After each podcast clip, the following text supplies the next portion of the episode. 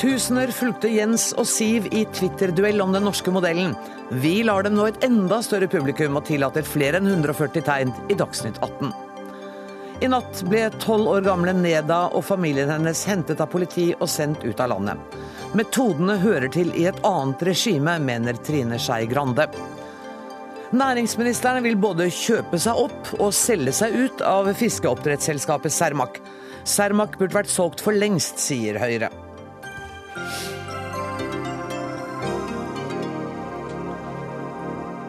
Dette er sakene i Dagsnytt 18 i dag, der vi også skal snakke om Jernbaneverkets doblede budsjett og reduserte vedlikehold. Men aller først skal jeg sitere en Twitter-melding. Det er kjent at Siv Jensen, Frp, er motstander av den norske modellen, men hvilken modell er hun tilhenger av? Den amerikanske? Skrev Jens Stoltenberg på Twitter, og dermed var debatten i gang. I noen hektiske timer kastet twitrerne seg på, og det dreide seg om alt fra skatt til arbeidsplasser, bompenger og byråkrati. Også Dagsnytt 18 brukte 140 tegn på å invitere de to til studio, og nå sitter dere her. Hjertelig velkommen. Var dere to overrasket over den enorme responsen dere utløste? Nei, jeg var ikke det. Nei. Eh, rett og slett fordi sosiale medier er en sterk kommunikasjonskanal. Den er usensurert, og den er interaktiv. Hvilket gjør at alle kan delta, og de kan delta på like vilkår som oss. Eh, og det tror jeg skaper det enorme engasjementet som er på sosiale medier, og som mange andre medier undervurderer. Men dere, det er jo, det er jo ikke helt vanlig da, når denne nyheten her når USA, og Wall Street Journal har det på nettsidene sine, Washington Wire har, har omtalt det. Hvis det er liksom så naturlig, hvorfor har dere ikke gjort det før, da? Nei, Det lurer jeg også på. Fordi at eh, vi har er dere litt seine? Ja, vi er jo blant de første, da. Ja, men sånn at, litt seine, ja, men problemet er at, eller poeng, eh, det er at man diskuterer med veldig mange andre. men det er første gang, og Mye dialog og kommunikasjon, men det er første gang to partiledere har diskutert. Og Det ble da åpenbart lagt mer merke til. Og Det ble jeg litt overrasket over, at det var så enestående. At noe som mange har drevet med i mange år, nemlig å diskutere eh, i sosiale medier, plutselig var oppsiktsvekkende at to partiledere diskuterte med hverandre. Men uansett, det er en eh, jeg er, Politikere er jo rundt omkring overalt hele tiden for å møte mennesker. På gater og torg, i aviser, lokalradioer, rikssendinger, Dagsnytt 18. Så der det er et medium, der er vi klare til å delta i debatt. Så, og sosiale medier er ett av mange medier. Det er, en, det er, en, måte der vi kan kommunisere begge veier. Det med Twitter er litt ekstra krevende, for 140 tegn syns jeg er brutalt kort. Vi diskuterte i redaksjonen ja. om vi skulle la dere bare snakke med ja. så få tegn. Ja, nei, det må du ikke finne på. Nei, og da, og da fant du at jeg klarte ikke å holde følge. Men, du, men jeg er nødt til å finne Hvem var det som kom på ideen, Stoltenberg? Var det deg? Eller var det rådgiveren? Altså det var, det, nei, altså det var jeg som sendte den første meldingen. Og det var fordi jeg var, hva skal jeg si, lot meg provosere. Eh, eh, eller ikke, nei, lot meg invitere, tror jeg er riktig, riktig ord å si. Eh, av en diskusjon om norsk modell. For det er en diskusjon om litt grunnleggende veivalg, litt, eh, litt retning. Og veldig mye politikk handler jo om å diskutere liksom enkeltting, enkeltmilliarder. Men det var litt system, ideologi, verdier. Og, og det skal vi gjøre litt her ja, også. Jeg er bare så innmari nysgjerrig på om dere skriver disse meldingene sjøl. Ja, vi satt jo, så, så, vidt jeg vet, så satt vi på hvert vårt kontor og holdt på med Jeg skulle jo satt og forberedt meg til en eh, debatt mot Jonas Gahr Støre. Ja, du avslutta jo det med at nå ja. må jeg gå, for jeg skal ta ja, ja, ja, men uh, det er jo gøy. Altså, jeg bruker mye tid på sosiale medier. Jeg skriver veldig mye der med, med både tilhengere av Fremskrittspartiet og motstandere av Fremskrittspartiet. Og jeg mener at alle er like velkommen på, på min Facebook-side, for det skaper debatt og engasjement, og det er viktig. Men er det sånn, Du sier Facebook-side, for det er også litt annerledes enn Twitter. Er du ikke så privat på Facebook? Bruker du det som en politisk plattform, det også? Først og fremst, men jeg deler også private øyeblikk og opplevelser som jeg syns er viktig. For jeg tror det er viktig å vise frem litt forskjellig. Men det går noen grenser. Altså, jeg, er ikke inne på soverommet, for å si det sånn. Nei. Bruker du ja, Facebook? Ja og nei, men jeg, jeg, bruker, altså, jeg, har jo barn og venner som bruker Facebook rent privat. Mm. Uh, og det er på en måte private sider, snakker om hva de har spist og hva de gjør og sånn. Det gjør ikke jeg. Men, ja, men, det er noe med Facebook som, som jeg tror er litt annerledes enn Twitter òg. Det er veldig sånn at det er de litt personlige tingene som vekker interesse interesse. Jeg hadde vært på Nato-toppmøte og la ut bilder av meg og jeg tror Barack Obama og litt sånn. Det var liksom en, noen hundre likes. Men så la jeg ut bilde av Jonas og meg i litt slitne skidresser eh, inne ved Kikkut, og det var tusenvis. Sånn at Hvis du ser på reaksjonen der ute, ja. så er det sånne ting som jeg oppfatter som viktig. Nå skal alle viktig tale. Ja. Og gleder meg til at alle skal da like den talen. Så er det hva skal vi si, noen titalls eller maks noen hundretalls. Men er det et eller annet sånn i dag har jeg spist dette til middag, eller nå lager jeg sidesalat med med, ja, med familien, ja. da er det full eh, positiv reaksjon. Så man blir fristet eller altså Jeg tror det minner meg om egentlig at eh, det er ikke alle som er like hva skal vi si, nerdete opptatt av politikk. Som, eh, Som dere er. Ja. Men, men betyr det at denne valgkampen kommer til å bli annerledes fordi dere bruker disse andre plattformene? Jeg håper egentlig det. Eh, Det er jo sånn at Vi politikere lever av å bli eh, gjengitt korrekt, og av og til så opplever vi nok å både få bli feilsitert og rare ingresser og overskrifter som vi ikke kjenner oss igjen i. Fordelen med sosiale medier er at de er usensurert. Mm. Sånn at det du skriver, det er det du som formidler. Så er det en ulempe med det, selvfølgelig. Det er at du blir jo pepret med kommentarer som du ikke rekker å svare på.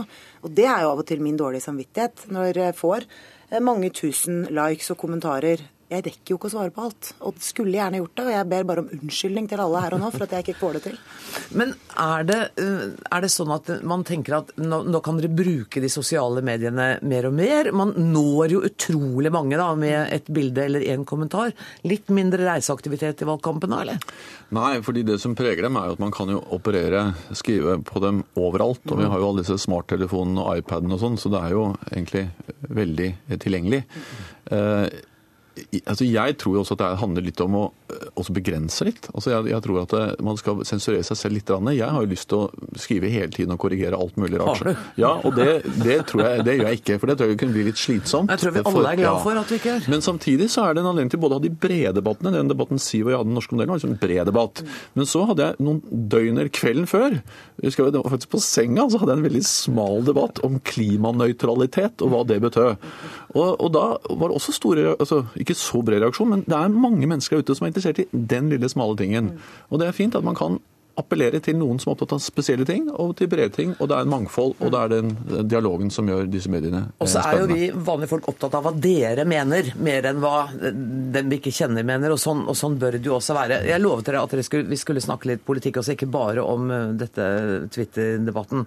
Jeg tror vi skal ta oss tilbake til din tale, et ørlite kutt. Eh, igjen, du er blitt utsatt for redigering her, Siv. Eh, fra landsmøtetalen din hvor du snakket om denne norske modellen. Når politistudenter med bestått eksamen ikke får fast jobb, ja, da står den norske modellen i veien for det norske folk. Eller når eh, polsk politi har topp moderne utstyr finansiert av norske skattebetalere, men det norske politi sliter med gammelt utstyr. Da står den norske modellen i veien for det norske folk. Handlingsregelen står i veien for fornuftige tiltak. Men mine damer og herrer, da står den norske modellen i veien for det norske folk.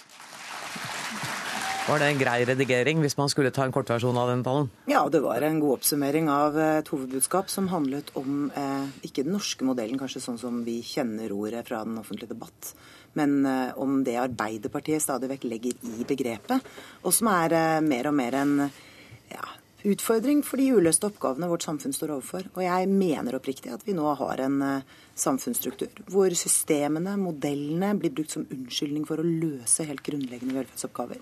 Det er en grunn til at 270 000 står i helsekø. Det er en grunn til at vi valg etter valg diskuterer mangler i eldreomsorgen. Det er en grunn til at eh, mange reagerer på at byråkratiet vokser, mens grunnleggende velferdstjenester ikke er gode nok. Og det mener jeg at Jens Stoltenberg må svare på, for han har sittet åtte år med makten og blitt mer og mer en administrator enn en reformator.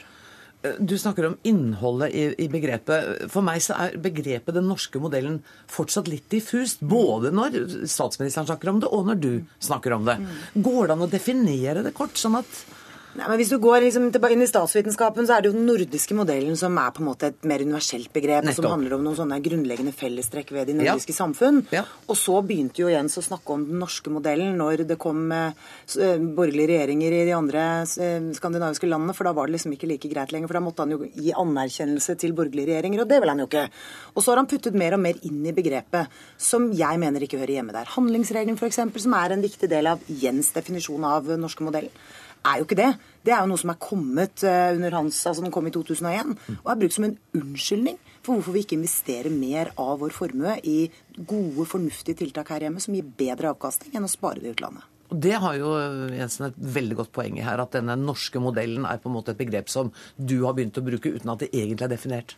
Men altså, Den norske modellen har klare fellestrekk med det som ofte omtales som den nordiske samfunnsmodellen, men det er også klare forskjeller. Blant annet det at vi har mye sterkere vekt på samarbeid mellom partene i arbeidslivet. Mye mer samordnet lønnsdannelse enn de har i andre nordiske land. Og Bl.a. ved at vi fortsatt holder veldig fast ved en offentlig fellesskole, mens eh, ikke minst Sverige har lagt opp til en omfattende privatisering av skolen. og Der er det forskjeller, eh, selv om det selvsagt fortsatt er eh, fellestrekk. Men det som kjennetegner den norske modellen, det er for det første at man har valgt å løse viktige oppgaver i fellesskap. Skole, helse, eh, omsorg. Og betale for det i et spleiselag, skatteseddelen. Det andre er altså et sterkt samarbeid mellom partene i arbeidslivet. Noe som også bidrar til omstillingsdyktighet i næringslivet. Lønnsomme private bedrifter.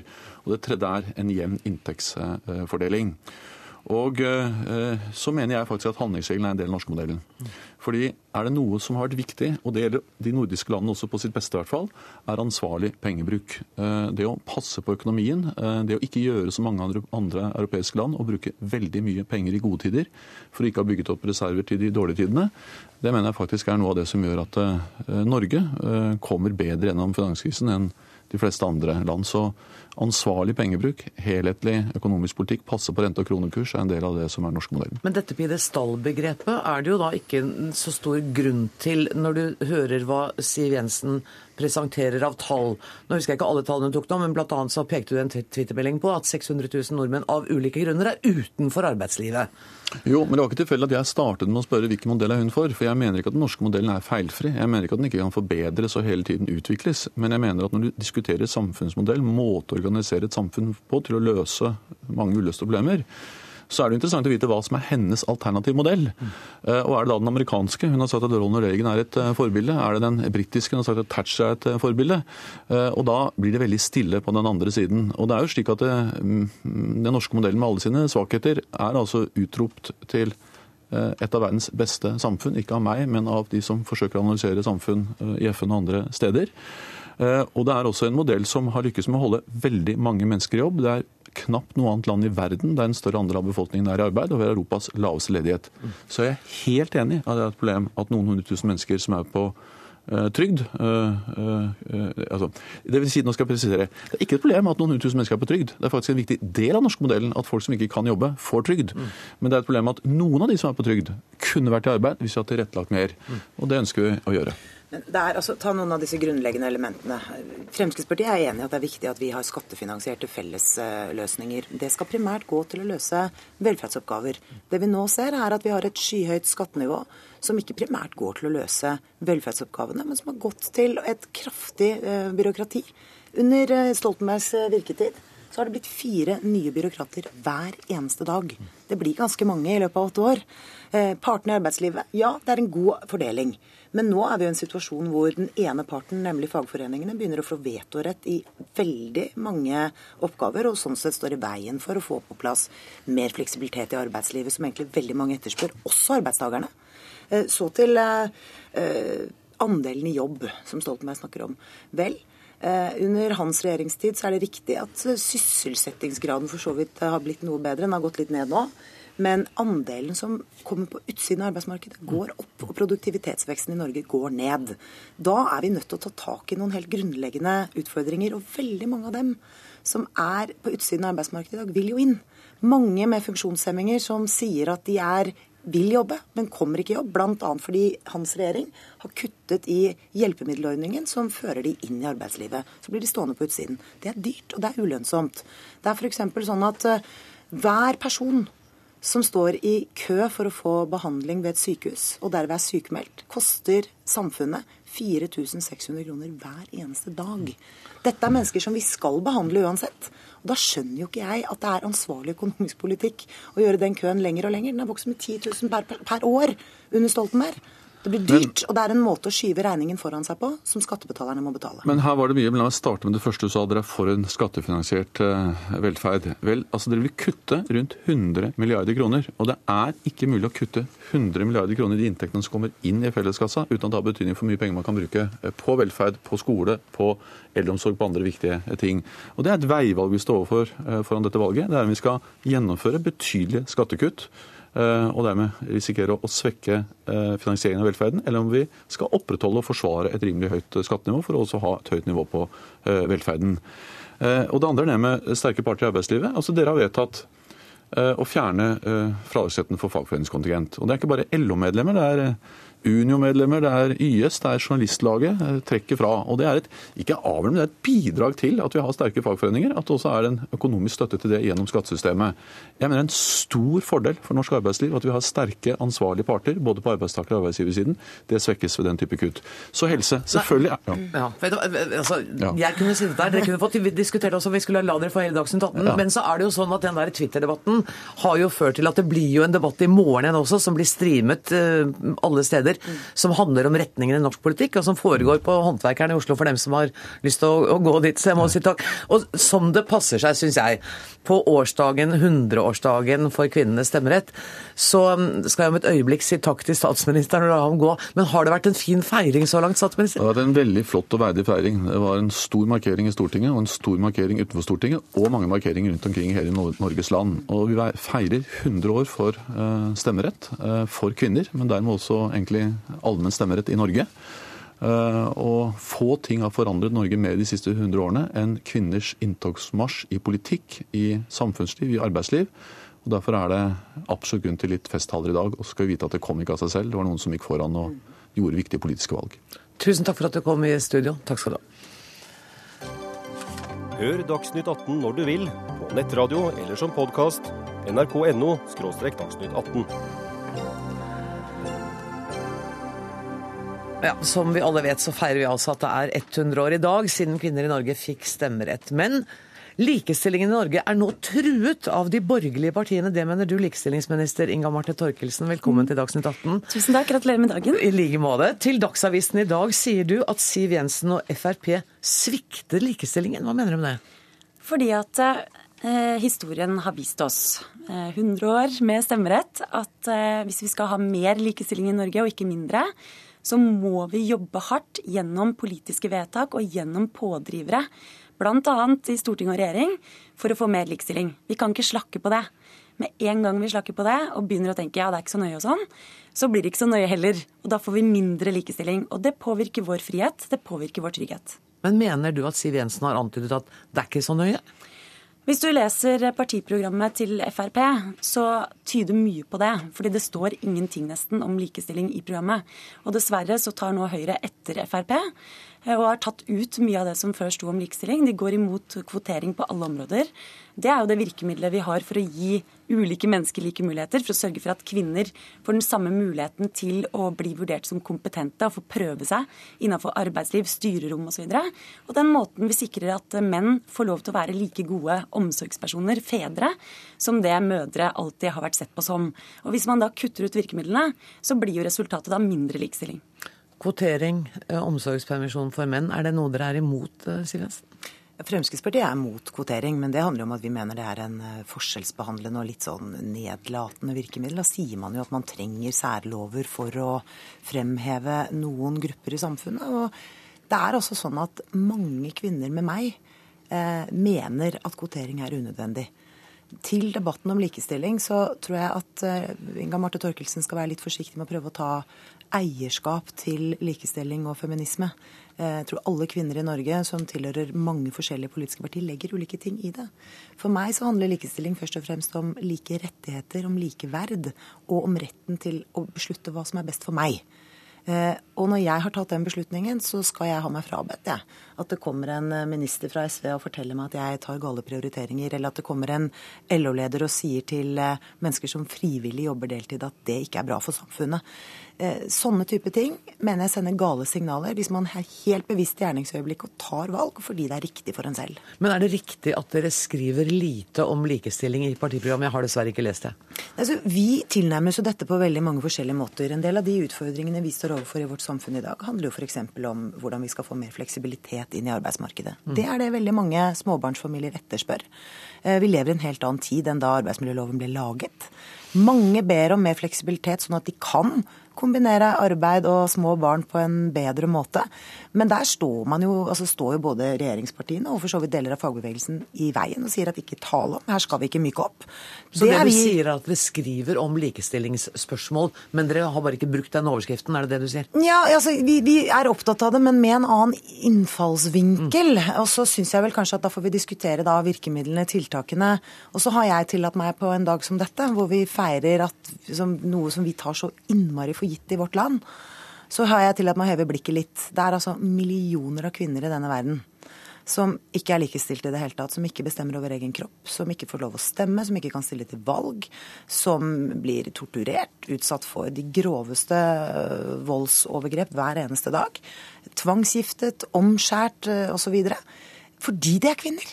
Det er vår tids store kvinnekamp. Og så kan vi i Norge, som har formell likestilling, diskutere hvordan vi skal gjøre en del praktiske grep for å gjøre det enklere for dem som føler at de ikke når helt opp. Inga Marte Torkelsen, kanskje vi skulle hatt et større fokus, eller ikke et større fokus, men et tydeligere fokus på kvinner som virkelig har det vanskelig? Ja, det har vi. Eh, I mars så var jeg i FN, på FNs kvinnekommisjon, og deltok i mange debatter og holdt eh, Norges innlegg også, som ble lagt merke til og omtalt i New York Times, fordi det var så tøft på vegne av kvinner, og kvinner som blir utsatt for grå vold, og som blir fratatt livet, bl.a. fordi de ikke har rett til selvbestemmelse over egen kropp. Eh, og Grunnen til at vi har så sterk troverdighet når vi er ute, det er fordi at vi gjør jobben på hjemmebane. Hadde vi ikke gjort det, så hadde ikke folk lytta til oss. Det folk kommer til Norge for å høre om, det er både hvordan vi jobber systematisk mot vold mot kvinner og barn i Norge, men de vil også høre hvordan har vi klart å sørge for at kvinner ikke trenger å velge mellom arbeid og familieliv. Hvordan har vi klart å få menn så på banen når det gjelder deres egne barn? Hvordan har vi klart å få så mange kvinner i styrerommene? Og jeg må jo bare spørre, da. Um, denne såkalte kritikken av de frie valgene som Siv Jensen påstår at vi har. For, for, oss så handler det bare om at vi som politikere, vi må jo tilrettelegge for at folk tar valg som fører samfunnet vårt i en bestemt retning. Mm. Så er folk fri til å velge som de vil, men vi må jo påvirke sånn at samfunnet totalt sett kommer best mulig ut av det. Eh, og kan da, Hvordan kan det ha seg at eh, da vi innførte f.eks. fedrekvoten i 1993 i Norge, så var det eh, to eller tre prosent menn som tok pappapermisjon. Nesten over natta så ble andelen over 90% var det, Handla det om frie valg? Hva var det som gjorde at menn da før ikke gjorde det? Og hva med kvinner i styrerommene i ASA-selskapene? Eh, før vi fikk kvoteringsregelen, så var det nesten ingen kvinner i styrerommene. Over natta omtrent så fikk vi 40% Er det udugelige kvinner? Var det kvinner som ikke ville? Eh, altså, Vi må også adressere de barrierene som kvinner, som innvandrere, som mennesker med eh, nedsatt funksjonsevne faktisk møter, fordi det fins diskriminering i Norge fortsatt. Jeg er helt enig med Inga Marte Torkelsen i at eh, politiske valg handler om å styre samfunnet i en bestemt retning. Og så kan man være, diskutere om man er enig eller uenig i den retningen. Det var f.eks. sånn at SV og Fremskrittspartiet var enige om eh, grunnlaget for barnehagereformen. Det var våre to partier som ja. satte i gang. Mm. Eh, og det var fordi vi ville ha barnehageplass til alle som ville ha det, men vi var uenige om kontantstøtten. Mm. Og det handler om valgfrihet og reell valgfrihet. For det er sånn at jeg mener ikke at det er min jobb som politiker å bestemme for barnefamiliene hva som er best for dem. Noen For noen er barnehageplass det aller beste, og kanskje for de aller fleste. Andre velger noe annet og må ha retten til det. Mm. Så er det sånn at Når Inga Marte sier at vi blir anerkjent ute fordi vi gjør jobben på hjemmebane, så er det en sannhet med modifikasjoner. Vi har f.eks. store utfordringer med minoritetskvinner i Norge. Det er fortsatt mange, eller i hvert fall noen, som opplever å bli kjønnslemlestet eh, til tross for at de bor i vårt land. Mm. Som opplever tvangsekteskap til tross for at de bor i Norge hvor det ikke er lov. Mm. Det er altfor mange som også opplever eh, å stå på utsiden av arbeidsmarkedet, ikke får muligheten til å integrere seg og lære seg norsk fordi vi lukker øynene for det. Da har vi ikke gjort jobben på hjemmebane. Og det er også en viktig del, ikke bare av likestillingsdebatten i Norge, men av integreringsspørsmålet. Det er helt riktig. Og det er, viktig sånn å ha denne debatten også på en dag hvor vi feirer at det er 100 år siden kvinnene fikk stemmerett. Og du har helt rett i det, Siv Jensen. Vi ser på det som en største selvfølge mm. i dag. Tusen takk for at dere kom, Inga Marte Torkelsen og Siv Jensen.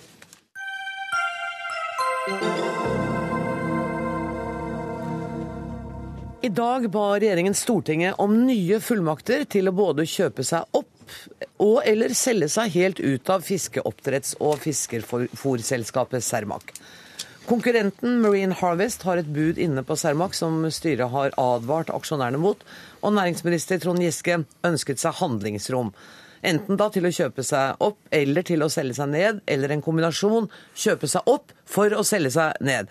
Ha, næringsminister Trond Giske, selge, kjøpe opp eller ned, eller begge deler. Hva vet dere egentlig hva dere vil? Vi vil ha størst mulig handlingsrom, eh, slik at vi eh, kan få mest mulig ut av de verdiene vi har i selskapet. Vi eier ca. 44 mm. Vi har et forretningsmessig mål med dette eierskapet. Cermaq eier bare 5% av norsk oppdrett er først og fremst et fòrselskap, og vi har ikke vurdert det som strategisk viktig å sitte langsiktig som eier, men vi skal ha til fellesskapets beste godt igjen for den eierandelen. Og Da vet vi at eh, hvis det finnes mange alternativer, mange mulige beilere eller samarbeidspartnere eller kjøpere, så kan vi også få mest mulig for selskapet. Og Derfor vil dere da ha en mulighet til å gå opp til 65 hvis jeg har skjønt det riktig? Kjøper dere opp til 65% Ja, Det skyldes jo at det nå ligger et bud på selskapet. Eh, og det er klart at eh, da må vi også ha muskler til å kunne ta en så stor e-, eierandel sjøl. Men hvorfor kan ikke Marine Harvest bare kjøpe, da? Ja, Du vet jo fra andre tilfeller her i livet, hvis du skal selge huset ditt eller hva som helst, hvis det finnes bare én kjøper, da er det ikke sikkert at du får eh, makspris for det du skal selge. Men mener du at eh, det budet som ligger fra Marine Harvest er for dårlig i forhold til det som er de reelle verdiene i selskapet? Ja, det mener vi definitivt, og det er jo en oppfatning som også eh, Cermaqs styre deler. I tillegg så har jo vi en spesiell grunn til å vurdere, vurdere verdien på vår eh, eierandel, for vi eier jo eh, da 44 eh, og all praksis i markedet tilsier at hvis noen kjøper en så stor eierpost, så skal man betale en ekstra premie for det, for det gir en ekstra stor innflytelse over selskapet. Men uh, Marine Harvest er jo interessert i å gå inn og eie 35% Hvordan ser dere på det? Hvis det skulle skje? Ja, Vi kan jo se hva styret i Cermaq sier om det. De sier at det vil være en krevende situasjon hvis man får eh, to eiere som omtrent er jevnstore, og hvor den ene er en stor konkurrent. Det kan legge begrensninger på hvilke retninger dette selskapet kan gå i. så det er en av grunnene til at vi ønsker oss en eh, muskel til å kunne kjøpe oss opp midlertidig. Eh, ikke for å sitte med en større eierandel eh, over lang tid, men for å ha den styringskraften i selskapet som sikrer at vi får en god løsning for verdiene i Cermaq, både på vegne av oss sjøl og våre medaksjonærer. Fristen for det budet som Jon Fredriksens Marine Harvest nå har inne, det er 21.6. Begynte det å haste veldig nå med å få, en, å få hindret dette kjøpet? Det var i hvert fall nå vi måtte eh, sørge for å ha det handlingsrommet. Det er en realitet at Cermaq er satt i spill etter at Marine Harvest har eh, bydd på aksjene. Eh, så vi må forholde oss til det. Og styret i Cermaq forholder seg til det. De har jo varsla at de aktivt vil gå ut og se etter ulike alternativer for selskapet. Men bare for å si det, Marine Harvest er også et utmerket selskap. Du har ikke noe imot at det ender opp som eh, hovedaksjonærer? Eh, vi er veldig tydelige på at ikke vi utelukker noen alternativer. og Marine Harvest er et godt drevet selskap. Den utviklinga de har, og miljøresultatene de har, og de økonomiske resultatene skal man ha stor respekt for. Svein Flåtten, næringspolitisk talsperson i Høyre. Eh, har du nå en forståelse av hva det er næringsministeren og staten har lyst til her? Nei, det har jeg ikke. Jeg syns det er et godt spørsmål å spørre om de vet hva de vil. Det vi vet er hva de ikke vil, eh, og det er å akseptere det budet som ligger. Eh, men vi kommer til å gi de eh, selvfølgelig en fornyet fullmakt til å selge seg ned og ut. Det har vi også gjort tidligere, så det har vi eh, ingenting imot. Men å Men, kjøpe seg opp, da? Ja, Vi vet ikke noe om hva dette handler om. Og når næringsministeren nå sier at uh, vi selger oss kanskje snart ned igjen, så er det jo slik at lander man på 65% og bruker et par milliarder kroner av skattebetalernes penger til det, så kan det jo oppstå situasjoner som gjør at det faktisk kan bli ganske tungt å komme seg ut igjen hvis man ønsker det. Så vi kommer til å være veldig skeptiske eh, med å gi noen fullmakt til eh, videre oppkjøp, men det trenger jo heller ikke næringsministeren fra Høyre. Han sånn som jo... den parlamentariske situasjonen er, så behøver ja. han ikke det. Men, men, eh, næringsministeren var vel enda tydeligere enn du antydde. Han sa vel at det er ikke noen permanent løsning at vi skal sitte som hovedeiere. Sånn at din hensikt er jo å selge. Kan det bli problematisk å komme seg ut av et sånt kjøp på 65 av aksjene?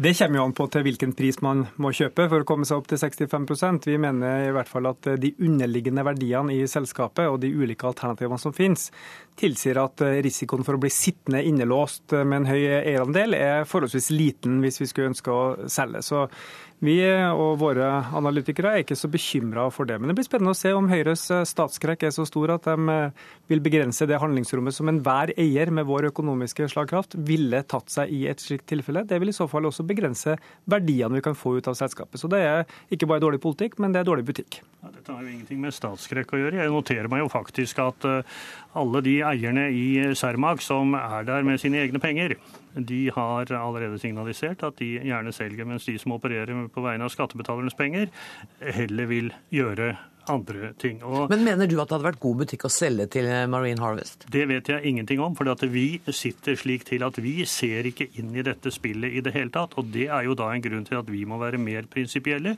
Vi har over lang tid ønsket å selge av forskjellige årsaker, fordi at Cermaq i oppdrettsnæringen, hvor staten er både regulator, konsesjonsmyndighet, forvaltningsmyndighet osv., så, videre, så er Cermaq en stor aktør. Det har vi over flere år ment har vært uheldig.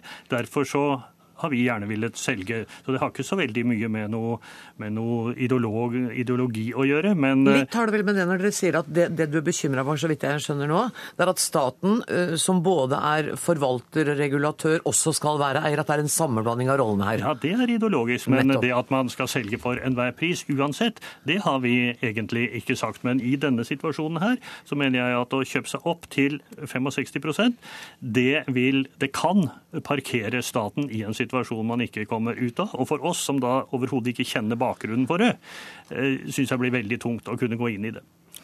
Ja, det er ikke det aller verst eh, parkeringsplassen å være på, da, for vi tjener gode penger på Cermaq, som vi gjør på veldig mange andre statsselskap. Og argumentet om at vi ikke kan sitte som eier i et selskap som påvirkes sterkt av regulatoriske ting, eh, er jo et argument som fører til et massivt nedsalg. Det er vel få sektorer som er så regulert som oljesektoren. Vi eier 67 av Statoil. Eh, Telenor er helt avhengig av telekonsesjoner. Hydro er avhengig av kraftpris og kraftreguleringer. Sånn at eh, det finnes ikke et selskap i Norge som ikke er ganske avhengig av ulike reguleringer. Og mange av statsselskapene som vi syns det er viktig å beholde eierskapet til, eh, det er veldig påvirka av slike typer reguleringer. Hvis. Trond Giske kan vise meg et kategori 1-selskap med bare forretningsmessige mål, som har den samme sammenblandingen som det Cermaq har, vil jeg gjerne høre det. Har jeg utfordret ham på før? Han har ingen å komme med. Jeg har tenkt å gi ordet nå til Terje Erikstad, som er nyhetssjef i, i Dagens Næringsliv, for å få hjelpe meg til å forstå dette. For jeg lurer fortsatt på hva er grunnen til at næringsministeren ønsker å gjøre dette nå? Er det denne datoen 21.6? Det er Powerplay. Altså, jeg, Maktspill? Ja, ja. Giske kjører maktspill, og han har klart å låse opp en fastlåst situasjon ved å få denne fullmakten til både å selge seg ut og kjøpe seg opp. Eh, situasjonen han vil unngå, og styret vil unngå, er jo at én budgiver låser seg, eller setter seg fast i selskapet og blokkerer alt som er fornuftig. For det er det som var i ferd med å skje? Ja, og det er klart at eh, Giskes oppgave og styrets oppgave er å maksimere verdiene for, for aksjonærene. Og det kan godt hende, og det er riktig også som Giske sier, at en aksjonær som har 44,5 ca., eh, har en annen strategisk verdi enn en vanlig aksjonær, og har et ekstra ansvar for at de andre aksjonærene får sin del av håper jeg, verdiene i selskapet. Og egentlig så er det interessant nå at Giske kan fremstå som Cermaqs aksjonærenes beste venn. Fordi når han nå varsler et mulig bud, så må det budet minst være like godt som Marine Harvest for at styret i Cermaq skal kunne si ja. Altså Styret i Cermaq har sagt nei til budet fra Harvest, fordi eh, Marine Harvest fordi det ikke er godt nok. Da kan du ikke si ja til et bud fra hovedeieren Som er dårligere. Men det vil sånn at da han, han har lagt et gulv på Cermaq-kursen nå. Men det som er risken for eh, Giske, er jo at han blir sittende med disse aksjene og ikke kommer noen vei. Det er jo det Flåten sier, at Ja. det er en fare. Men, men jeg tror det at, eh, at her, hvis man legger merke til hva Giske sier, så sier han at man skal maksimere verdiene. Dette er forretningsmessig, dette er ikke strategisk, hvilket er veldig logisk. Jeg mener Disse oppdrettskonsesjonene som ligger i Norge, de kan jo ikke flyttes. Så Marine Harvest og Cermaq vil ha stor virksomhet i Norge også etter et sånt oppkjøp. Så det er ikke noe å være redd for. Og uh, han sier at dette er midlertidig. Altså han, denne oppkjøpsfullmakten er bare et pressmiddel overfor Marine Harvest. Jeg tipper, og det er bare tipper, at uh, Cermaq kommer til å bli splittet opp. At en del som handler om oppdrett, kommer til å gå sammen med Marine Harvest. Så kommer fôrbiten til å kanskje gjennomføre det oppkjøpet man planla, som Marine Harvest stoppet, nemlig å kjøpe Copinca. Som Cermaq Copinca som er som er et eh, Fôrselskap. Ja, som egentlig gir ingrediensene som Cermaq trenger til å lage fôr. Um, og, og der hadde man identifisert store verdier ved å slå de to sammen. Så her kan man få to sammenslåinger som begge skaper verdier. Og det som er viktig da for Giske og Cermaq, er jo at man får ta del i verdiskapningen på begge disse transaksjonene hvis det skjer. For det, det er alltid i en sånn oppkjøpssituasjon så er det kamp om hvem skal stikke av med merverdien. Når man slår sammen to selskaper, så vil gjerne den som kjøper, eh, beholde mest mulig av merverdien som oppstår. Den som selger, vil ha mest mulig av merverdien. Selvfølgelig. Det er en kamp. Det er det alltid. Det er folk, Så dette her, og de er akkurat som alle oss andre. Ja. Alle vil ha mest mulig. Jo, jo, men- men, men du, hva er- det er slags liksom- tidsperspektiv snakker vi om her, før, før vi kan tro at vi har en avklaring på hva som skjer med Cermaq? Nei, jeg tror jo det kommer til å skje, bør skje raskt. I løpet av få uker. Eh, Nå, nå kjenner ikke jeg heller akkurat som Flåtten, jeg kjenner ikke de interne forhandlingene. Men ingen er tjent med at dette strekker ut i tid. Så får vi se om det er noen andre grunner som gjør konkurransemessig eller noe sånt, som gjør at det tar tid. Men eh, jeg tror aktørene er veldig interessert i å få dette unna nå. Og det er vel i og for seg alle oss andre også. Vi kommer til å følge med godt med. Tusen takk for at dere kom eh, til Dagsnytt 18, Trond Giske, Svein Flåtten og Terje Erikstad.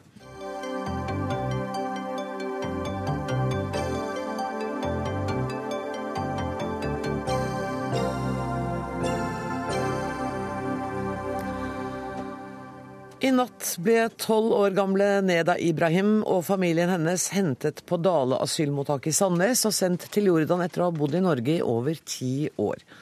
Familien fikk avslag på asylsøknaden i fjor og blir nå sendt ut fordi faren har oppgitt feil identitet. Neda Ibrahim ble kjent etter at hun vant Anette Thommessens minnepris, og for uttalelsen 'Jeg liker Norge, men Norge liker visst ikke meg'. Aina Våge, du jobber som barnepsykiater på asylmottaket der familien har bodd, og i natt klokken halv fem ble du oppringt av moren til Neda. Hva var det hun sa?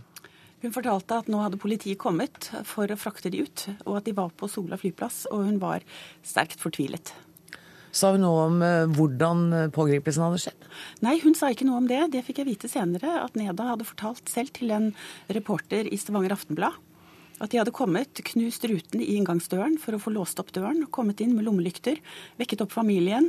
Eh, De måtte skynde seg å komme seg ut. De hadde ikke fått med seg alle tingene sine, selv om de i mange måneder har hatt all bagasjen stående klart pakket i tilfelle dette skulle skje.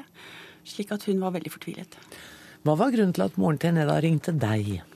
Det er fordi at jeg har kjent de i tre år. Jeg er en trygg person for familien. Jeg har truffet de ukentlig gjennom de siste månedene. Og, og det er ikke mange mennesker de har å stole på og forholde seg til. Når de bor på Dale mottak, så bor de langt ute i Viotan uten noe nettverk og noe annet rundt. slik at jeg er vel en av de få personene som de har, og som de kjenner. Det var mange som reagerte da de hørte at eh, familien var sendt ut, og Trine Skei Grande, du var en av dem. Hva tenkte du? Nei, jeg blir jo fortvila over eh, situasjonen som veldig mange av ungene er i. Og man har jo snakka med mange av dem og vet hva de lever oppi. Så kjenner jeg at jeg blir jo irritert. Så jeg blir så irritert at jeg kunne ha brukt ord jeg ikke skal bruke på radio.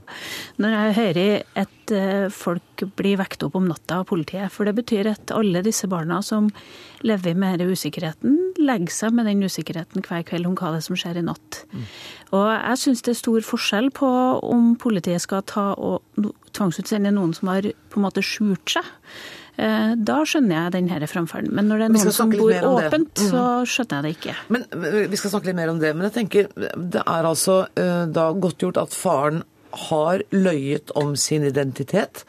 Skal han da belønnes, skal han og kona da belønnes med å få være i Norge? Nei, selvfølgelig ikke. De burde ha vært sendt ut for ti år siden. Men det ble det ikke. Nei, og det er det som er poenget. Jeg vil ha en mye mer aktiv eh, retur.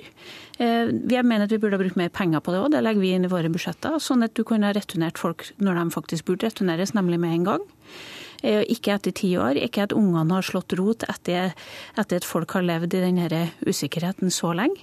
Eh, Og da mener jeg at på et visst punkt så er det faktisk ungene som må vurderes også ut fra sin egen botid i landet. Og det er det jeg håpa at Barn på fluktmeldinga skulle gjøre, men som jeg sa at jeg ikke trodde.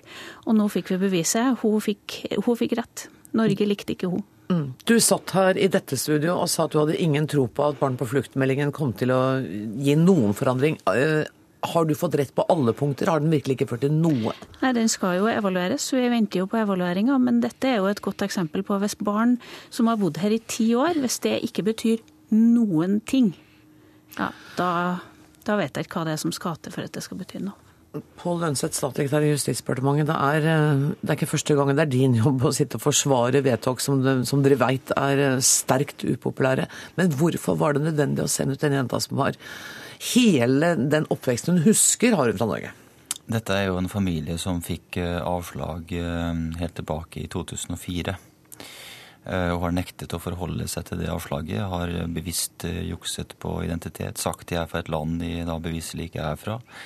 Sagt de var statsløse også, vel? Ja, de, så jeg forstår så har de forklart at de var statsløse palestinere fra Irak, hvilket da, da ser ut til å være tilbakevist ved at politiet fant da identitetsdokumenter, pass fra Jordan. Men hvorfor tok det ti år?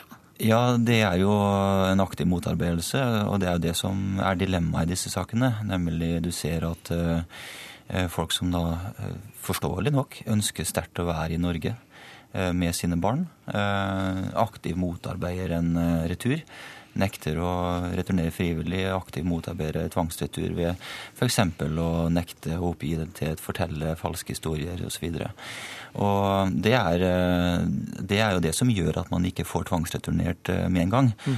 Og Skei Grande må gjerne fortelle oss hvordan hun mener at dette skal eh, hvordan vi skal tvangsreturnere noen som vi ikke har identiteten til. For det er ingen land som vil ta imot noen vi ikke har identiteten til. Det hun kommer til å fortelle deg, hvordan dere skal være flinkere til å finne ut av det og ikke bruke ti år på det, vil jeg tippe. Ja, Men det er, det er ikke sånn at vi ikke har gjort noe på dette. Vi har altså I de siste fem årene så tror jeg vi har inngått over halvparten av de tilbake, altså returavtalene som vi nå har. Mm.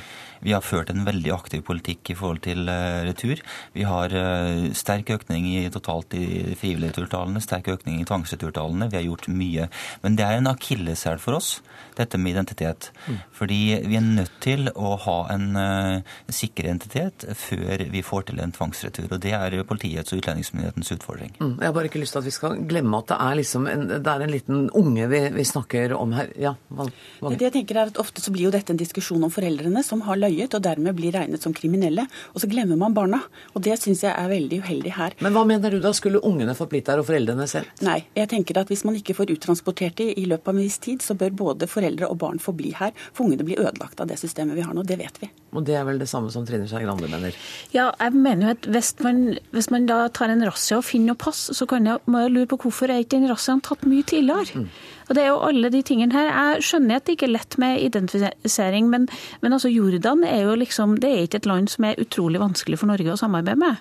Det er liksom ikke de verste Det er ikke Iran som kanskje er blant de verste i andre enden. Så, så jeg mener jo at her burde man Man burde ha hatt en regel på at innen tre måneder burde man som hovedregel ha en avklaring, og så får man sende ut det. For det er helt klart at de går an å tvangsreturnere, for det skjedde i natt. Ja, og da er vi over på Ole Johan Heier. Eh, hjertelig velkommen hit. Du er sjef i Politiets utlendingsenhet. Eh, og jeg lurer litt på metodene. Eh, hvorfor må klokka være halv to om natta? Hvorfor må det knuses glass i inngangsdøra? Og hvorfor må politiet gå inn med lommelykter? Vi vurderer jo alltid veldig nøye tidspunkter for når det er passer best å returnere, ikke minst familier. Ja, Passer best for hvem da? For alle parter. Her, i dette tilfellet, så var alternativet å pågripe og Eh, eventuelt på dagtid, ute på, i barnehage, skole osv. Det ønsker vi ikke å gjøre når det er andre personer til stede. Eh, av hensyn til de andre, men også av de som blir pågrepet. Vi ønsker heller ikke, i den grad vi kan unngå å fengsle eh, familier for innsettelse på politiets utlendingsinternat, altså det som populært er kalt Randum, så unngår vi det. I dette tilfellet så var det praktisk eh, å gjennomføre en retur direkte eh, fra Stavanger. Eh, via Oslo, riktignok, men det var for å bytte fly. altså For å unngå å sette familien inn på den lukka utlendingsinternatet. Men hører du at, at, at det er rart uh, å, å, høre at dere knuste, eller politiet knuste den ruta, gikk inn med lommelykker til klokka var halv to om natta. Alt gjort av hensyn til familien? Det høres rart ut, særlig i og med at det ikke er korrekt at politiet knuste ruta. Okay. Uh, vi hadde nøkler, uh, og vi møtte opp der klokken ett. Vi banket på. Eh, en rekke ganger og ba dem om å åpne og, og, komme ut. De gjorde ikke det. Da brukte vi de nøklene vi hadde og låste oss inn. I det øyeblikket vi åpner døren, så, den, eh, så sto det en på baksiden med en planke, og da ble en én rute av mange i en dør, inngangsdøren, ble eh, knust av. Det er ikke slik at politiet brøt opp døren for å pågripe denne familien. Vil du si at dette er en vanlig måte dere arbeider på ved uttransporteringer? Vi går alltid fram så skånsomt som overhodet mulig eh, for at dette skal foregå rolig. Og det foregikk også rolig i dette tilfellet her. Eh, familien fikk flere timer på seg til å pakke sakene sine og gjøre seg klare, slik at vi kunne rekke eh, flyet og være ute i god tid. Så det er ikke slik at det var noe dramatisk pågripelse i dette tilfellet her. Og det har heller ikke vært noe dramatikk under selve returen. Og det har vært et godt forhold mellom mine ansatte og denne familien underveis. Jeg vet jo om steder hvor mottak har fått avtale med politiet, slik at de får vite at de skal uttransporteres en spesiell dag, og at det fungerer veldig godt. Og jeg tenker Her er det tre skoleklasser som står tomme. Det er veldig dramatisk for barn å ikke ta farvel. Slik at eh, selv om jeg hører hva du sier og, og ser mye i det, så er dette her en voldsomt traumatisk opplevelse for disse barna uansett. Og det, det legger jo traume til traume i de historiene disse barna har, dessverre. Men det er jo samtidig gode argumenter her for å gjøre det når det skaper minst uro på mottaket, når det er minst belastende for familien eh, Skei Grande. Ja, men det man må tenke over, Jeg har snakka med mange av de barna her, og de er redd for å legge seg. Fordi de vet at politiet alltid kommer om natta. Og, og det, er sånne, det er sånne historier som jeg mener at unger i Norge ikke skal fortelle meg. Det er unger i andre regimer som skal være redd for å legge seg fordi politiet kan komme og ta oss med. Men hva er løsningen da? Nei, løsningen er at jeg tror at altså, Dette er en familie som ikke har gjemt seg. Jeg skjønner at man er tøff med de familiene som prøver å, å gjemme seg unna, men der han her bodd på mottak, de har vært her. De, alle vet hvor de var, alle vet hvor skoleklasse de var i. Jeg tror godt at det går an å gjøre avtaler med folk som sier at nå, den dagen skjer det, da må dere si farvel. Eller det går an å komme en kveldsstund når alle sammen har, eh, har gjort ferdig den dagens jobb, og så istedenfor å ha dette prinsippet om at det skal skje om natta, fordi det er veldig mange barn som har en veldig traumatisk barndom fordi at de ligger og venter på at det skal banke på døra, og at det skal være politiet, og da får jeg aldri se vennene mine mer. Her. I veldig mange tilfeller så, så avtaler vi med familiene, eh, og også med mottakene, eh, at eh, vi henter dem for og ledsager dem tilbake igjen. Hvorfor gjorde de ikke det i dette tilfellet? I dette tilfellet så har familien fått oppfordring en rekke ganger til å benytte seg av muligheten til å reise frivillig, med ganske omfattende økonomisk støtte. Det fins egne veldig, veldig gode programmer for dette. Og det er det vi ønsker alltid, at de skal benytte seg av disse programmene, hvor de får dekt hjemreisen, eh, og de får også eh, solid økonomisk støtte for å reetablere seg i, i hjemlandet. Mm.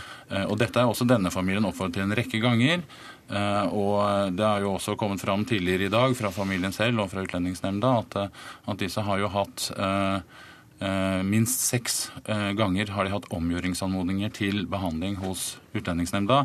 I den perioden så har vi da ikke kunnet eh, eh, uttransportere familien naturlig nok, for da har de ikke fått endelig avslag ennå. Men, men det, var jo snakk, de skal, det var jo snakk om å få det i tingretten. Var det ikke en midlertidig forføyning eh, som skulle da utredes i morgen? Ja, er jo, det er jo sånn at eh, Politiet spør jo Utlendingsnemnda for hver uttransport om det er grunner til at de ikke skal uttransportere. Mm. Men saken er jo den at eh, man har jo en utreiseplikt eh, så snart man får et avslag. Og dette er altså en familie som da har hatt en utreiseforplikt eh, i, i mange år. Men som har holdt på drømmen om å være i Norge? Ja, forståelige grunner. og Ja. helt, Jeg skjønner det menneskelig veldig godt. Jeg skjønner også at disse barna er i en veldig vanskelig situasjon. Men dilemmaet også er jo skal vi la være å tvangsuttransportere. Eh, og det, det, er, eh, det vil ha dramatiske konsekvenser for eh, en kontrollert og regulert innvandring. Det jeg lurer på er hvorfor man ikke kunne vente til saken var oppe i tingretten. For vel er den vurdert seks ganger. Hver gang har det vært nye argumenter. Og det er jo momenter som kom inn nå før jul som ikke er vurdert på tilsvarende måte. Kan du svare kort på det? Hvorfor man ikke kunne vente? Eh, Nei, altså det kan jeg ikke svare kort på, fordi at dette er jo konkrete individuelle vurderinger som okay. gjøres i hver enkelt sak. Og det er altså politiet og da Utlendingsnemnda som vurderer altså individuelt hver enkelt sak på og i dette tilfellet Utlendingsnemnda på hvorfor de ikke ventet. Så det er, det er en enkeltsaksvurdering som ikke jeg kan gå inn i. Men du ser det dypt tragiske for disse ungene, du, er, du skjønner engasjementet fra ja, de for andre all her? del, og jeg synes synd på barna eh, absolutt selv, men det er altså det dilemmaet vi møter eh, i disse sakene, ja, når foreldre da ikke medvirker til eh, å returnere frivillig og aktivt motarbeider retur. Det var så langt vi kom eh, i denne utgaven av Dagsnytt 18. Tusen takk til eh, Aina Våge, til Trine Skei Grande, til Pål Lønseth og til Ole Johan Heir.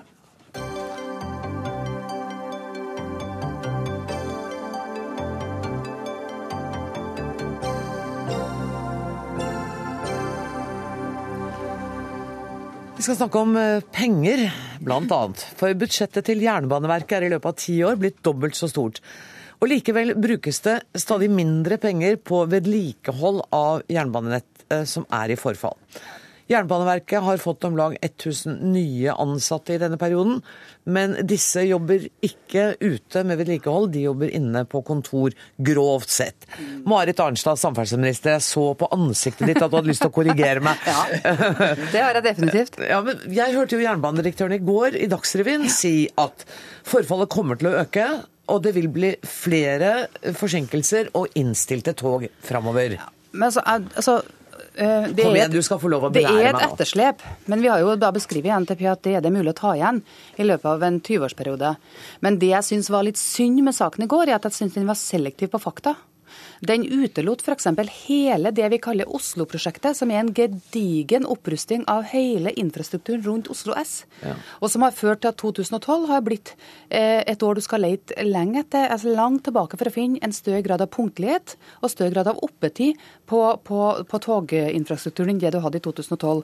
Så jeg syns den var veldig selektiv, og dessuten er det også sånn at en del av det du kaller drift, det er også vedlikehold. For alt ved vintervedlikehold, snøbrøyting, oppvarming av skinnegang og sånn, det går på over driftsbudsjettet til Jernbaneverket. Og det skjønner jeg. Og, og det er vel også sånn at Jernbaneverket har bedt om 350 millioner i ekstra tilskudd fordi det har vært ekstraordinære forhold sist vinter til bl.a. snøbrøyting eh, og, eh, og ting som falt ned.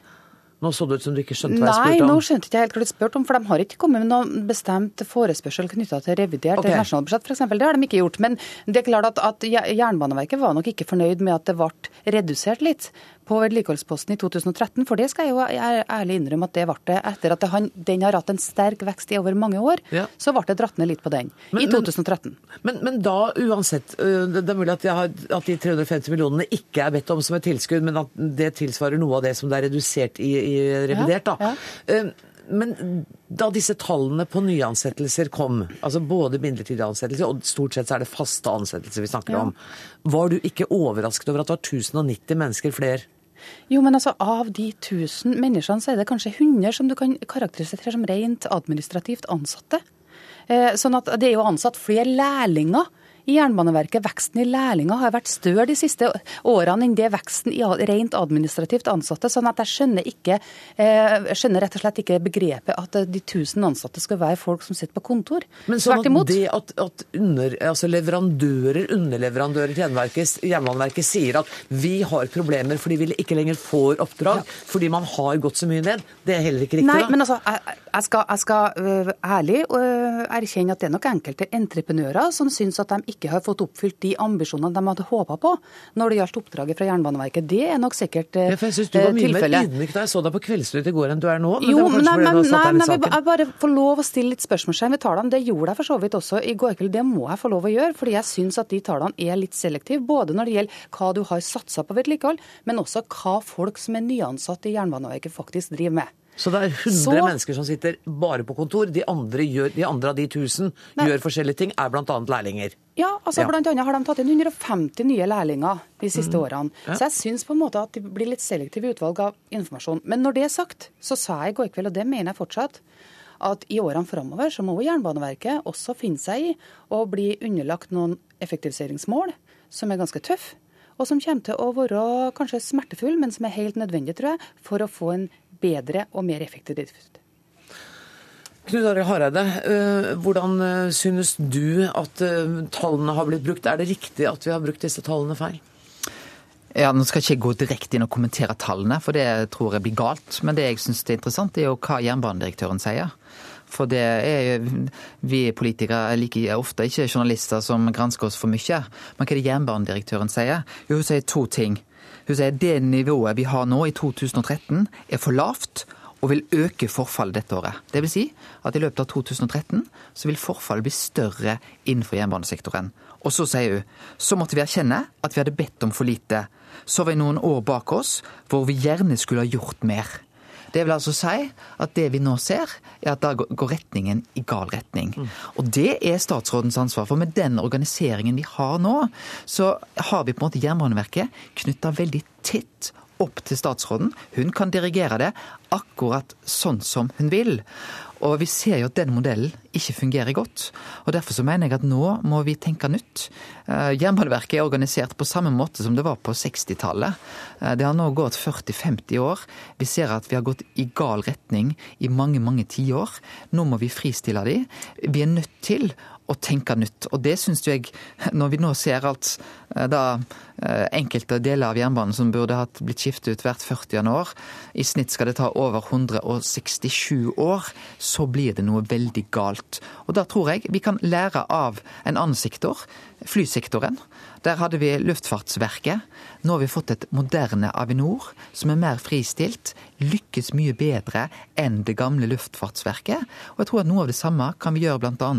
Eh, på Jernbaneverket. Få det mer moderne og en større fornyelse. Kan jeg før du får bare få lov å si at vi har selvfølgelig invitert direktøren for Jernbaneverket. Hun hadde veldig lyst til å komme, men bare klarte det ikke, rett og slett fordi hun hadde andre oppgaver. Ja, Arnstad. Men jeg bare sier, det, året, det, det tallet 167 der, det, altså det, det relaterer seg ikke til det totale forfallet i det hele tatt.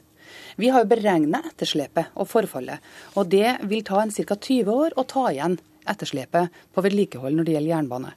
Da Hareide sist satt i regjering, så ble det bevilga 1,4 milliard hvert år til vedlikehold. I dag bevilges det over 3 milliarder til vedlikehold. Det er klart, Jeg tror nok jernbanedirektøren skulle ønska seg enda mer. Og behovene innenfor jernbanen er store. Men at satsinga de siste årene har vært betydelig, det er det ingen tvil om. Og, og særlig det, du har, det krafttaket som du har tatt de to-tre siste årene, som ikke ble reflektert da, i NRKs sak i går, eh, som gjaldt Oslo-området, som jo har vært et sårbart punkt i mange år. Ja, jeg skal, er det godt ta en bevilgningsdiskusjon. Eller en etterslepsdiskusjon, for det er egentlig deres skyld. Ja, men for å si sånn, sist gang Marit Hansen satt i regjering, så ble det bevilga enda mindre enn da jeg satt i regjering sist. Men ja, vi har gjort for lite, samtlige politikere, de siste 30-40 åra. Nå må vi snu den utviklingen. Og det synes jeg synes er alvorlig, det er at vi har en meget klok og dyktig jernbanedirektør, Elisabeth Enger. Og når hun gir den type signal som hun gjør nå, om at vedlikeholdet blir verre i 2013, så er det noe vi må lytte til. 6. april 2010 så sa hun vi kan stå foran et sammenbrudd. Og da er det viktig at vi ser Men at vi kan snu da bevilga vi også to milliarder kroner nettopp Så for det. fint! Det gjorde dere. Og vi er enige om at alle skal gjøre mer, og vi skal bli flinkere. Alle sammen kan vi ikke enes om det, da. Tusen takk for at dere kom, Marit Arnstad og Knut Arild Hareide. Denne utgaven av Dagsnytt 18 er dermed slutt. Ansvarlig i dag har vært Siri Storstein Hytten. Det tekniske ansvaret har Espen Hansen. Jeg heter Anne Grosvold. Takk for nå.